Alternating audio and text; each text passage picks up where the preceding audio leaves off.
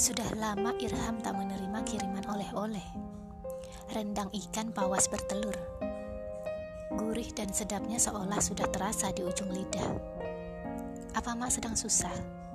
Hingga tak mampu lagi beli ikan pawas bertelur dan bumbu-bumbu masaknya? Tak mungkin. Kiriman wesel dari anak-anak emak rasanya tak kurang-kurang. Lebih dari cukup. Jangankan rendang ikan pawas bertelur, bikin rendang hati sapi pun emak tentu mampu. Tapi kenapa emak tak berkirim oleh-oleh lagi? Emak sedang sakit. Kenapa pula tak ada yang berkabar? Bukan kau saja, saya juga sudah lama tak dikirimi kerupuk cincang. Keluh Ijal, kakak sulung Irham yang tinggal di Cibinong.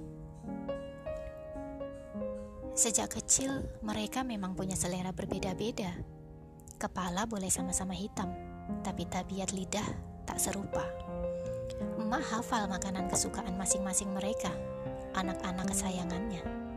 Ijal suka kerupuk cincang.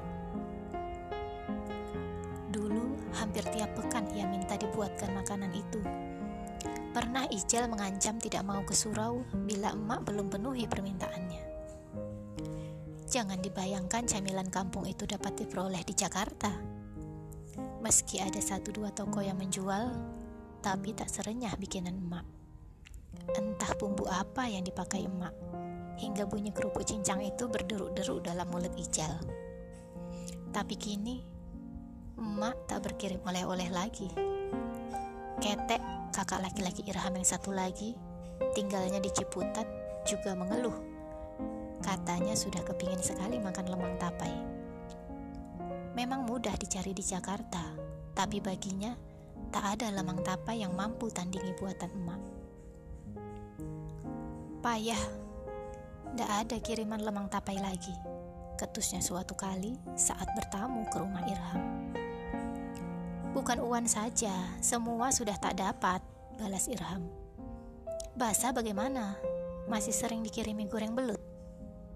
Tidak ada, tidak ada lagi oleh-oleh. Apa kalian tidak kirim uang lagi buat emak? Emak sedang susah barangkali. Tanya-tanya nyinyir mereka terjawab setelah mendengar pengakuan si bungsu, Alida, adik perempuan mereka satu-satunya. Ternyata ia masih sering dapat oleh-oleh, bahkan lebih sering dari biasanya. Berarti emak masih rajin mengirim oleh-oleh. Cuma saja datangnya bukan lagi ke rumah keluarga mereka, Ijal, Kete, Basa, dan Irham. Oleh-oleh hanya dikirim emak ke alamat rumah kontrakan Alida di daerah Pasar Minggu. Anehnya, kiriman emak bukan sambal lado tanak kesukaan Alida, tapi dendeng lambok, khusus buat menantu emak, suami Alida. Kenapa kau saja yang dapat oleh-oleh Alida? Bukan saya, Wan. Iya, suamimu itu. Mestinya kami juga dikirimi, bukan? Irham coba menghitung-hitung berapa lama emak tak mengirim oleh-oleh. Ternyata persis sejak Alida menikah. Sejak emak punya menantu baru, Yung, suami Alida. Ya, sejak itu emak tak pernah lagi bikin rendang ikan pawas bertelur, kerupuk cincang, lemang tapai, dan goreng belut. Emak hanya kirim dendeng lambok buat Yung, menantu kesayangannya. Setahu Irham, Sejak menikah dengan Alida, belum sepeser pun Yung kirim uang buat emak. Lagi pula, apa yang bisa diharapkan dari lelaki yang tak jelas pekerjaannya itu? Sejak awal, Irham tidak setuju Alida menikah dengan Yung. Ia sudah carikan jodoh buat Alida. Firman namanya. Sarjana teknik. Kini bekerja di perusahaan pengeboran minyak lepas pantai. Bakal senang hidup Alida bila menikah dengan laki-laki pilihan Irham itu. Ijal juga sudah pilihkan Andra, putra tunggal pemilik perusahaan garmen di Jakarta. Ketek dan Basa memang tak pilihkan siapa-siapa. Alida boleh saja menikah dengan lelaki idamannya, tapi dengan catatan tidak dengan Yung. Mereka tak mungkin merelakan Alida dipersunting Yung, lelaki yang sudah pernah beristri sementara Alida masih gadis. Lagi pula, kabarnya Perkawinan Yung yang pertama bubar karena ulah menggelapkan dana investasi di perusahaan yang dikelolanya. Yung sedang terlibat masalah besar. Perusahaannya bangkrut. Semua asetnya disita. Ia lari dari masalah.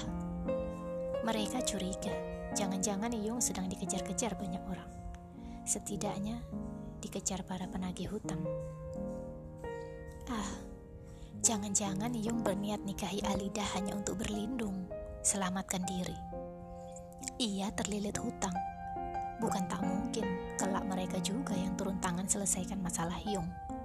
Tapi entah ilmu apa yang dipakai Yung. Emak langsung saja menerima lamarannya. Tanpa pertimbangkan baik buruknya lebih dulu. Emak tak peduli pada keberatan kakak-kakak Alida Ndak apa-apa kalau kalian tak setuju. Emak tetap akan nikahkan Alida dengan Yung. Begitu tekad emak waktu itu. Pikir dulu masak-masak, baru ambil keputusan. Emak belum kenal siapa Yung itu. Sejak dari nenek moyangnya, emak tahu silsilah dia. Dia dari keluarga baik-baik. Kalian yang belum kenal Yung.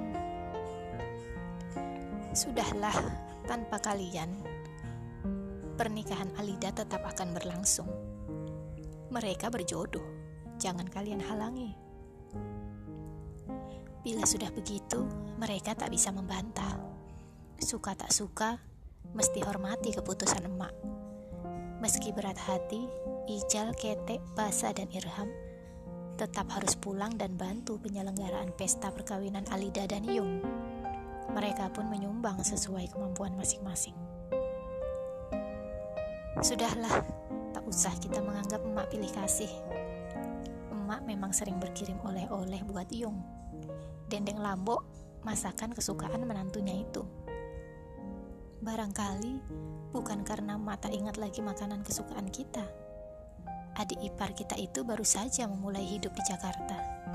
Pekerjaannya masih serabutan, luntang lantung, belum ada penghasilan tetap.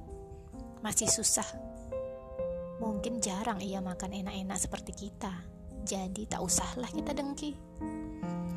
Ah, emak terlalu memanjakan menantu. Uang mak bisa habis karena selalu kirim oleh-oleh buat Yung. Makin dimanja makin malas dia. Dulu, Yung memang anak baik-baik. Sekolahnya di pesantren. Sering ia memberi pengajian di masjid kampung. Emak salah satu jamaah yang suka dengan gayanya berceramah. Menyentuh sekali kata-katanya, begitu puji emak.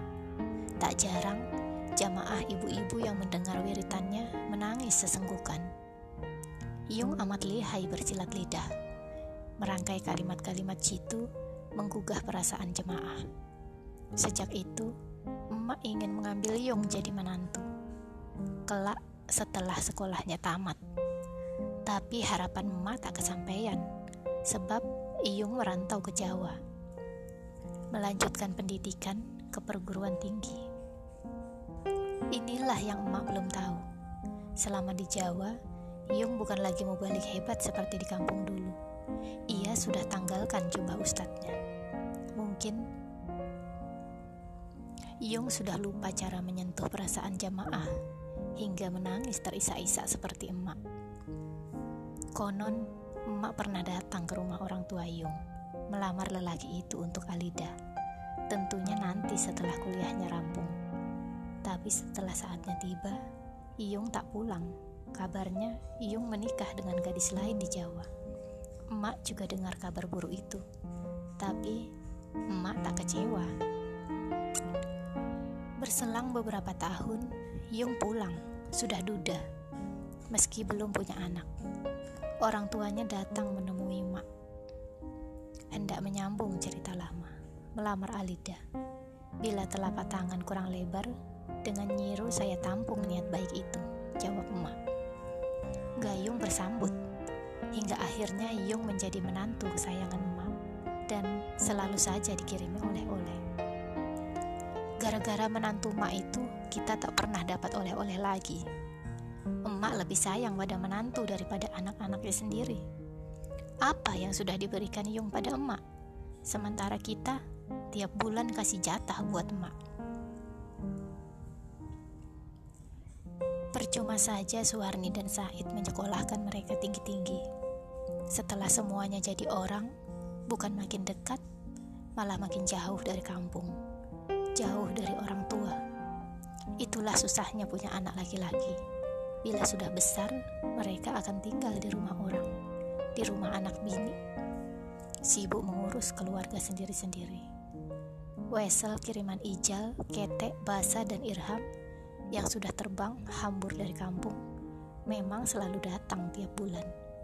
Tapi sebenarnya Suwarni dan Said tak butuh uang. Untuk apa?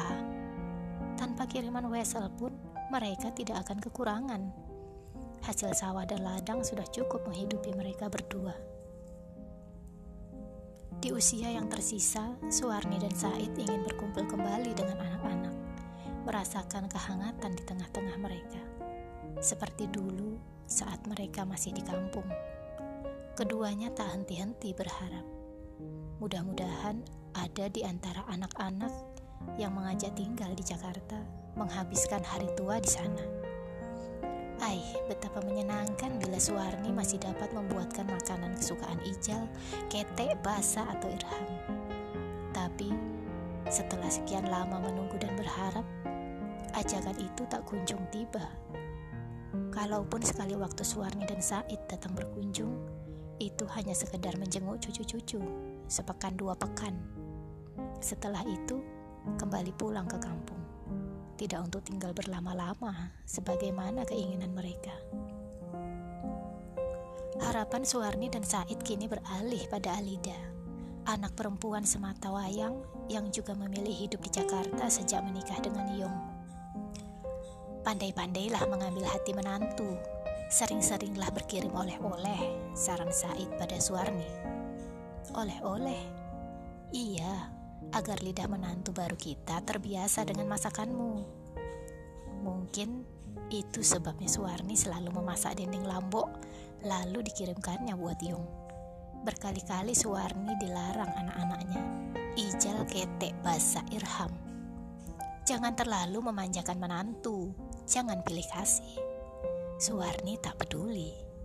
Makin dilarang, makin gencar saja ia berkirim oleh-oleh. Tak bakal berhenti Suwarni berkirim dendeng lambok buat Yung, agar lidah menantunya itu terbiasa dengan masakannya. Hingga suatu waktu, entah kapan, Yung berkenan mengajaknya tinggal, berkumpul bersama di Jakarta. Di sanalah Suwarni dan Said bakal habiskan umur yang tersisa. Semoga